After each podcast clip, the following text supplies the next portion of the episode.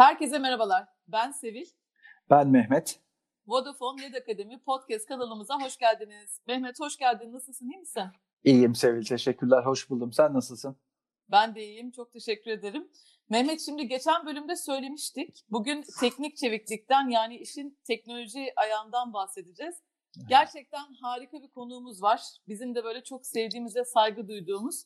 Hatta dijital de olsa böyle biraz hani burada buluşmaktan çok böyle mutlu olduğumuz bir konuk.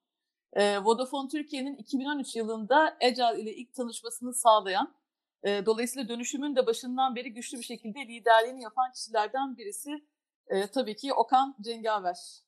E, şimdi Okan şu anda Londra'da, oradan katılıyor aramıza. E, Vodafone'da grupta çok da güzel bir rolde devam ediyor. E, Okan hoş geldin. E, çok teşekkürler. Bizi kırmadın. İyi ki geldin. Nasılsın? İyi misin? E, gayet iyiyim Sevil. Çok teşekkür ederim. E, Valla e, kırmak ne demek? E, bu kadar değerli insanları ağırladığınız çevik dönüşümün en incelikli noktalarını konuştuğunuz bu programa davet edilip de gelmemek benim için büyük bir fırsatı kaçırmak olurdu. Davetiniz için ben çok teşekkür ederim. Rica ederiz. Bizim açımızdan da herhalde seni ağırlamadan bu podcast'i tamamlamak önemli bir eksik olurdu diye düşünüyorum ben. Ee, Okan şimdi bizi takip ettiğini biliyoruz. Bu bizi de gerçekten çok mutlu ediyor. Biliyorum sen de daha önceki bölümleri izledin, dinledin. Ee, şimdi biraz böyle önceki bölümlerde yapı, roller, ritüeller gibi aslında hecalı birçok boyutuyla konuşma şansımız oldu. Böyle senin gibi ağırladığımız konuklar da oldu. E, Vodafone'daki ecel dönüşüm de özellikle dijital dönüşüm ile kol kola ilerlediği için e, çok da böyle dijitalleşmeden de bahsettik. Ama şimdi şöyle de düşünüyorum hani dijitalleşme kadar işin teknoloji tarafı da çok kritik. Dolayısıyla da bugün biraz seninle bunu konuşmak istiyoruz. Ama istersen gel önce bir seni tanıyalım. Hani kimdir Okan Cengaver? Nasıl bir hikayesi var? Belki dinleyenler de en azından seni daha fazla tanıma şansı bulsun. Tabii Okan Cengaver 25 yılı aştır, aşkın bir süredir teknolojinin içinde olan, gelişen teknolojinin insan hayatına değer katması için dönüşüm projeleri yapan, doğası kompleks olan bu işleri kolaylaştırmaya çalışan öncelikle bir mühendis, daha sonra da sürekli öğrenen, öğrendiğini paylaşmaya çalışan bir iş arkadaşı diyebilirim. Süper harika bir tanım oldu. Bu özellikle teknolojinin insan hayatına değer katması kısmını da ben e, hakikaten çok anlamlı buluyorum.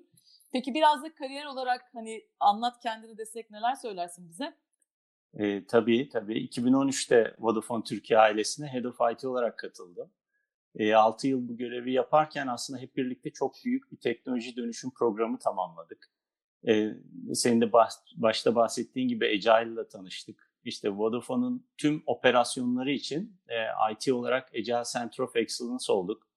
E, hemen ardından e, dijital dönüşümün teknoloji bacağının e, yol haritasını çıkarıp yola koyulduk. E, 2019 yılında da bu dönüşümleri Vodafone'un Avrupa bölgesinde hızlandırmak üzere Vodafone gruba geldim. İki yıldır buradayım. E, Türkiye'de edindiğim e, tecrübeleri diğer marketlere e, aktarırken bir taraftan da o marketlerden yeni tecrübeler ediniyorum. Ee, sürekli öğrenebildiğim bir işim var. Ee, bu açıdan da kendimi çok iyi hissediyorum.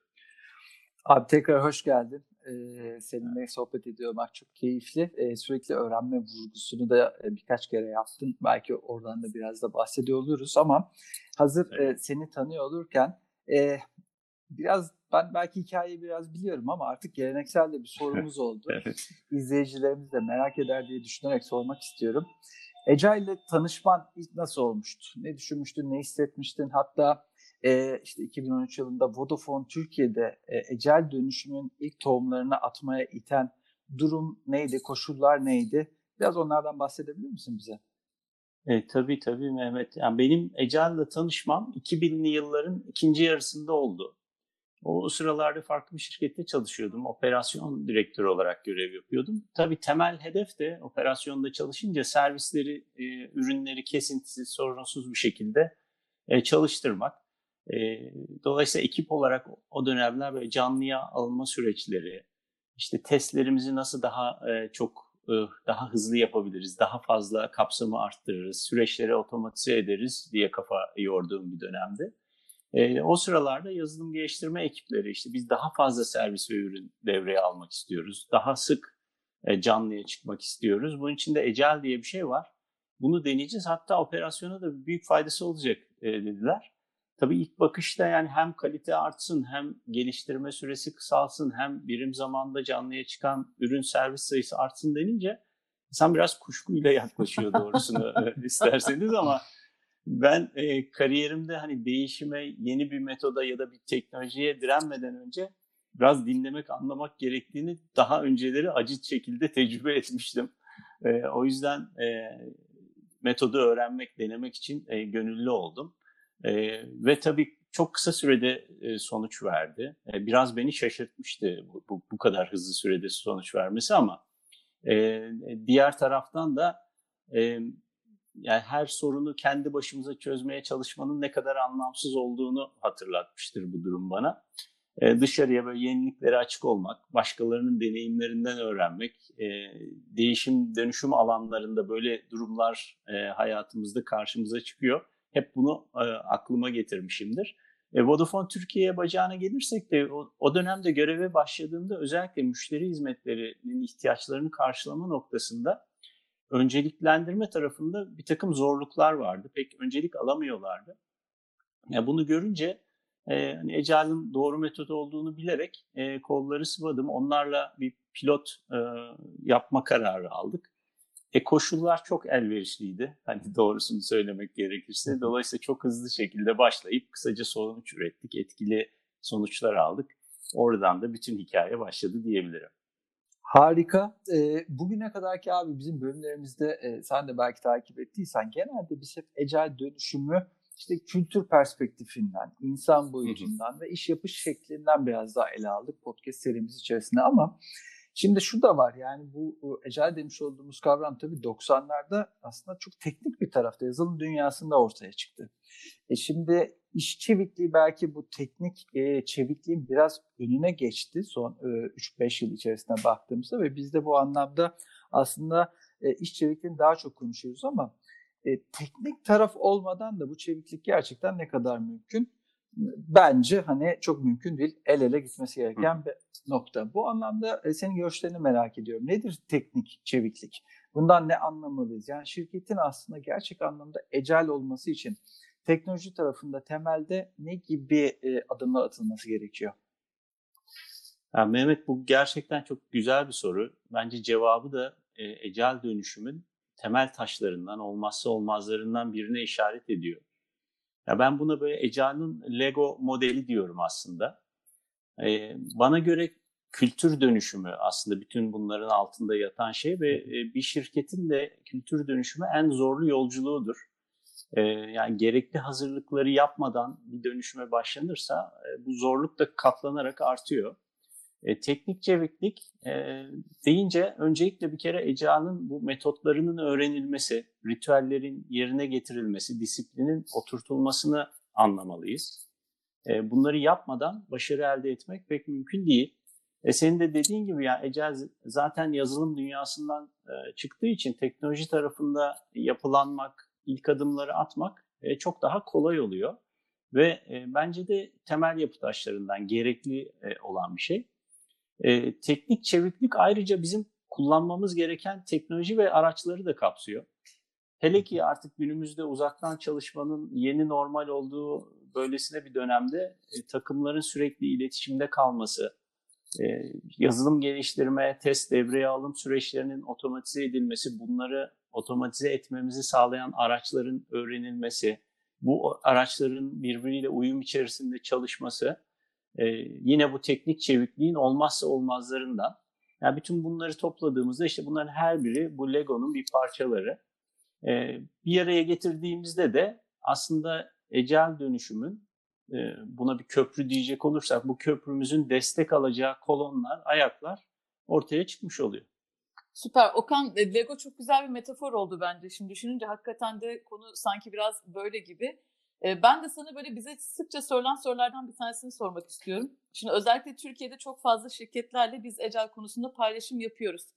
Çünkü amacımız hani teorik bilgiyi her yerde buluyorsun ama gerçekten bu işi yaşarken zorlukları, faydaları neler? Hani hakikaten şirketler bir yola çıkacaksa neyi göz önünde bulundurmalı? Bunlar çok kıymetli bu paylaşımlar için. Ben şunu sormak istiyorum sana. Ee, en çok sorulan Hı. soru yani bu işe gerçekten nereden ve nasıl başlamak lazım? Hani agile olabilmek adına ne gibi teknoloji yatırımları e, yapmak lazım? İşte inisiyatifler neler olmalı? Yol haritasında neler bulundurulmalı? Ne dersin bu konuda? Hı hı. Ee, Sevil, yani tabii bu biraz şirketin sahip olduğu kültüre ve ölçeğine de bağlı ama e, yani benim gördüğüm genellikle ürün ve servislerin oluşturulmasına odaklanmak e, iyi bir başlangıç noktası oluyor. E, bu işin de IT'de temel yapı taşı olan işte yazılım geliştirme, test ve devreye alım süreçleri ilk olarak bu noktalara bakmak bence çok anlamlı. E, işte bu bunu yaparken de e, genellikle işte e, product owner olarak da iş analistleri, IT'de çalışan iş, iş analistleri konumlandırılabiliyor. E, bu şekilde bir araya getirdiğimizde de e, bahsettiğimiz o Lego'nun parçaları birer birer ortaya çıkıyor. E, teknoloji de IT tarafında bu dönüşümü başlattıktan sonra iş birimlerini bir sonraki adımda dönüşüme davet etmekte hali hazırda işleyen bir yapının içine çekmek olduğu için herkes için hem daha eğlenceli hem de daha rahat bir e, süreç oluyor. Tabii tekrar altını çizmek isterim. Yani bu söylediğim ecel dönüşümü büyük bir ölçekte yapmak isteyen, eski metotlardan kurtulmak isterken bir taraftan da o geleneksel metotlara bağlı şirketler için geçerli. E, eğer zaten dijital doğan bir şirketseniz veya az sayıda ürün ve servisten bahsediyorsak o zaman topyekun bir dönüşüm daha sağlıklı olacaktır. E, bir de e, şöyle düşünüyorum ben, hani dijital dönüşüm diyoruz artık bu dönemde. Dijital dönüşümü sadece ecel dönüşümü gerçekleştirerek de yapamayız, yapamıyoruz. Her ne kadar ecel bize iş yapış şekillerimizi geliştirerek büyük bir avantaj verse de yani teknoloji tarafında yapılması gereken başka adımlar da olduğunu düşünüyorum ben. Süper. Peki böyle çok hani birkaç tanesinden bahsetsek nedir sence o adımlar? E, tabii ben böyle kafamda bunları üç parçaya ayırdım tamam. aslında Hı-hı. Sevil. Bunlardan ilki e, artık yani geldiğimiz nokta itibariyle e, kullandığımız yazılımların bulut teknolojileri kullanması, bunlarla yenilenmesi. Hem mikroservis ve açık e, API'larla geliştirilen yazılımlar aslında e, müşterilerimiz için hem 7-24 çalışan, kesintisiz, yüksek performanslı ürün ve servisler sağlarken bir taraftan da diğer yazılımlarla entegrasyonu kolaylaştırarak inovasyonun önünü açıyorlar. Dolayısıyla bu, bunu e, ilk etapta gerçekleştirmek önemli. E, diğer bir adım e, tüm bu dönüşümlere müşteri kanalından başlamak e, ve bir yol haritası oluşturmak. Şimdi yazılım teknolojilerini incelediğimizde böyle e, kolayca dönüşebilenler ya da daha zor dönüşebilenler e, gibi bir e, yapı çıkarmak mümkün oluyor ama bu kolayına zoruna bakmadan aslında kanallardan başlamak e, dolayısıyla müşterilerimize hızlıca fayda sağlamak açısından da e, son derece önemli. Bu, bu da benim ikinci adımım. E, üçüncü adım ise e, genellikle böyle dijital dönüşümün en zor olduğu, e, müşteri datalarının tutulduğu sistemleri e, modüllere parçalayarak yenilemek. E, burada tabii çok detaya giremiyoruz ama bu adımları e, takip edebilmek için farklı yöntemler, teknolojiler, araçlar da mevcut. E, ama bunların hepsini tamamlamadan, özellikle bu bahsettiğim son adımı da tamamlamadan dijital dönüşümü tamamlamak da mümkün değil. Bu sebeple e, ben hani bu konuda liderlik yapacak tüm arkadaşlara cesurca ama doğru bir planlamayla e, tüm bu adımları yerine e, getirmelerini tavsiye ediyorum. E, çok önemli değişikliklerden bahsediyoruz aslında. E, şunu duyuyorum ben. İşte müşteriye değeri hızlı bir şekilde iletebilecek e, şekilde aslında dönüşüme başlamak ve de bunu yaparken de arka tarafta daha esnek ve modüler bir e, yapıyı hayata geçirebilmek.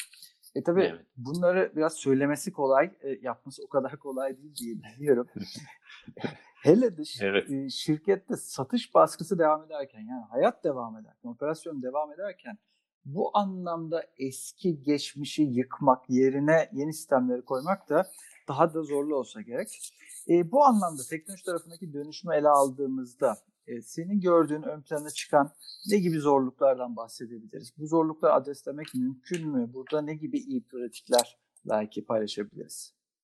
Tabii mümkün. Mümkün olmaz olur mu? E, Vodafone olarak şimdi farklı coğrafyalarda pek çok yeni ve eski teknolojiyle çalışıyoruz.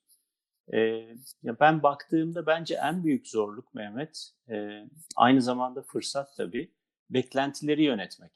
E, o bahsettiğin işte satış e, baskıları, yeni e, projeleri hayata geçirmek, bir yandan değişimi yaparken bir yandan e, var olan e, beklentileri e, yönetmek çok kolay değil.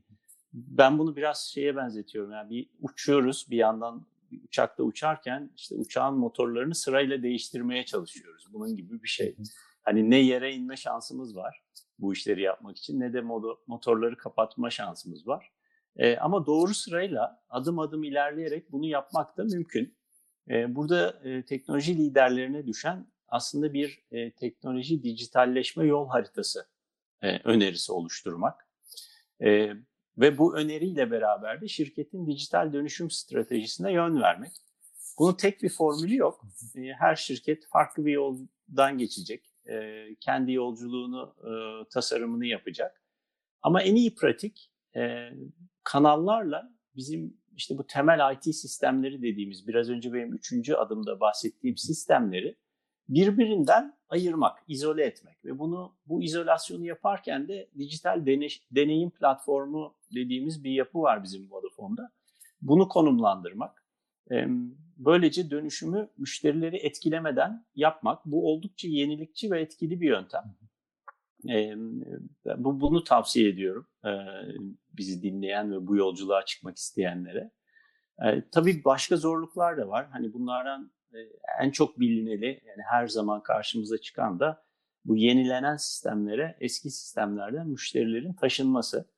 Migration deniyor bu işlemlere ve hatalı yapıldığında e, ciddi servis ve ürün kesintilerine yol açıyor. E, müşteri deneyimini oldukça olumsuz etkiliyor.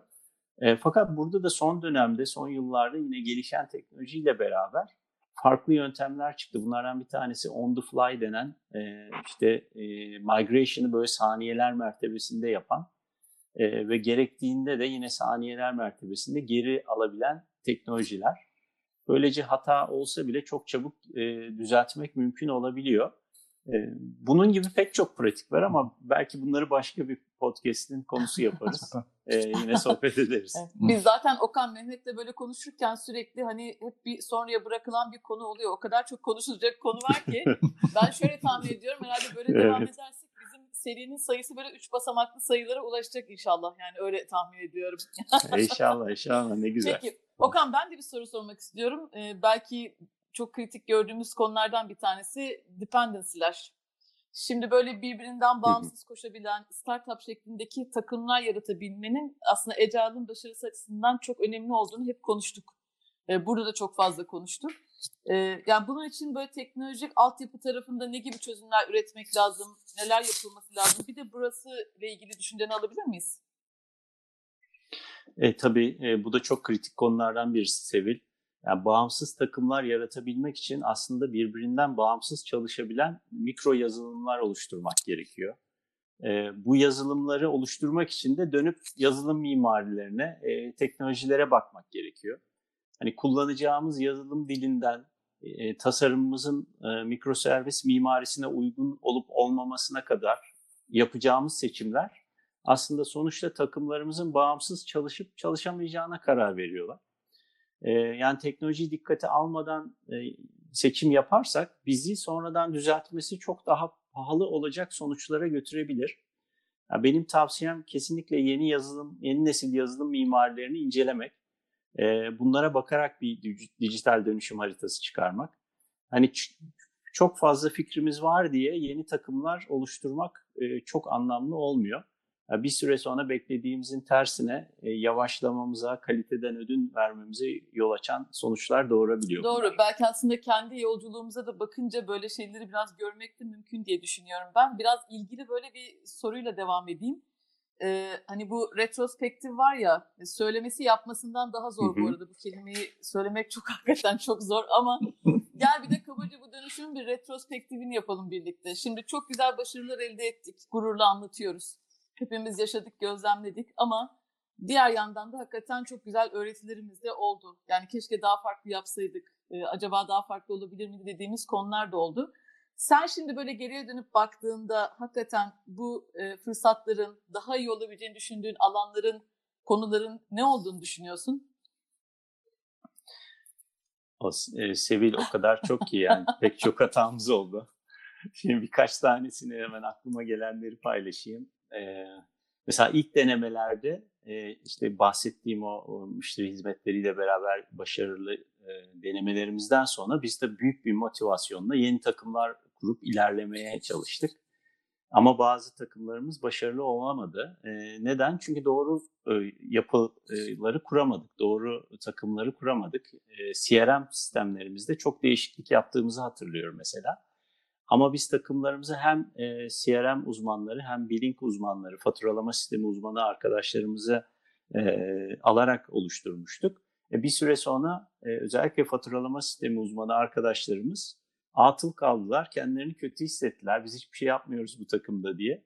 E, doğru takım yapıları kurmak bunlardan bir tanesi. Bunun için de backlogları iyi incelemek gerekiyor. Yani gerçekten biz ne yapmak istiyoruz? E, hangi uzmanlıklara ihtiyacımız var? Bir tanesi bu. Bir diğeri e, mesela monolitik yazılımlarda hızlanmak istedik. Hani değişiklik yapması çok zor yazılımlar bunlar. Hani e, en güzel örneği de mobil uygulamamız ilk zamanlarda e, monolitik bir yazılımdı. Şimdiki gibi böyle esnek modüler bir yapısı yoktu. Dolayısıyla biz böyle bir iki takımla devam ederken bir anda böyle sekiz takım kurma e, hayalimiz oluştu. E, ve çabucak da büyüdük. E, ama tabii ne oldu? E, beklediğimiz gibi ürün ve servis gelişimi olmadı. Aksine bu bağımlılıklar nedeniyle performans sorunları çıkmaya başladı. Takımlar birbirinin ayağına basar hale geldi. E, daha sonra bir ters bir adım attık. Takım sayısını arttırmaktansa e, biraz önce işte konuştuğumuz bu dijital deneyim platformunu oluşturmak üzere e, iki yeni takım oluşturduk. Ondan sonra biraz daha teknolojiyle uyumlu bir takım yapısı olunca e, rahat ilerlemeye e, başladık. E, yine mesela hatırladığım bir başka e, şeyde bu tabii öğrenerek devam ediyorduk. E, yavaş yavaş doğru takımı doğru şekilde kurar olduk ama e, o kadar çok takım kurduk ki e, bir süre sonra ecel koçlarımız yetişemez oldu. E, Sevi sen de e, çok evet. iyi hatırlarsın. Senin de evet. liderlik yaptığın Ecel Koç yetiştirme programını evet. başlatmıştık evet. hemen ardından. Ondan sonra işte Şimdi tekrar katıldığım bütün olduk. paylaşımlarda onu hemen öneriyorum Okan. Diyorum ki önce koçlarınızı hazır edin ki dönüşümde zorlanmayın. çok çok doğru. Ee, yani aslında tüm bu örneklere baktığımızda hani ben bir öz eleştiri yapacak olursam e, aslında Ecail'in öğrettiği gibi hani dene ve çabuk başarısız ol ve hatalardan ders al tabii ama e, bazı şeyleri de biz göz göre göre hatalı yapmışız. E, yani doğrusunu isterseniz yapmaya da bilirmişiz yani. Şimdi retrospektifi yapmışken, neleri iyi yapabiliriz diye bakmışken ben biraz da geleceğe de bakalım isterim.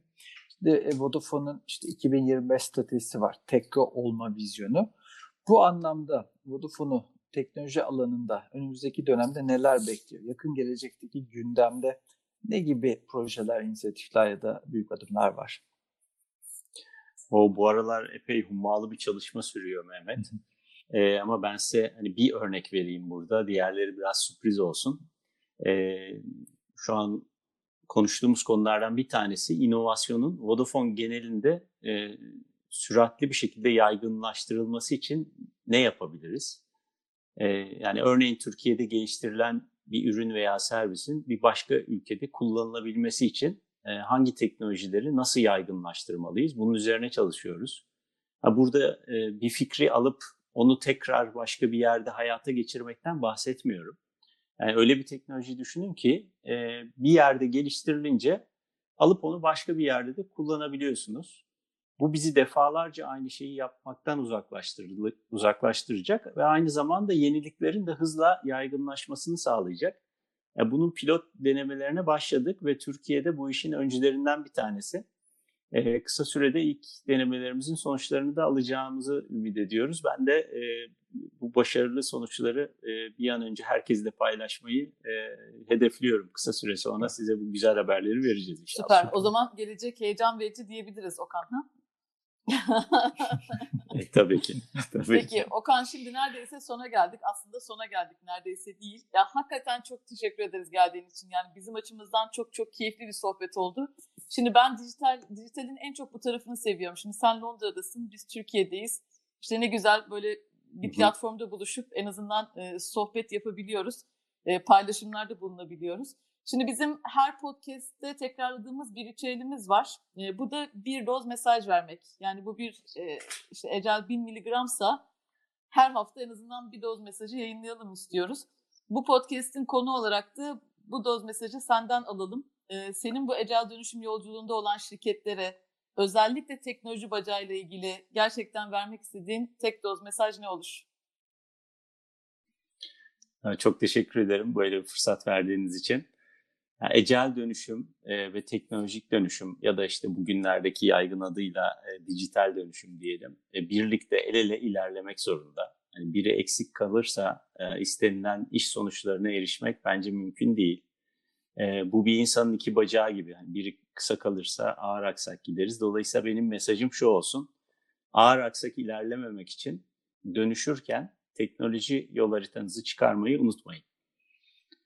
Harika. Abi geldiğin için çok teşekkürler gerçekten. Samimiyetle söylüyorum. Her zaman seninle sohbet etmek çok keyifli. Umarım e, bahsetmiş olduğun inisiyatifleri e, hayata geçirdikten sonra orada başarıyı getiren faktörler neydi? Belki onları konuşmak üzere seni tekrar ağırlamak isteriz.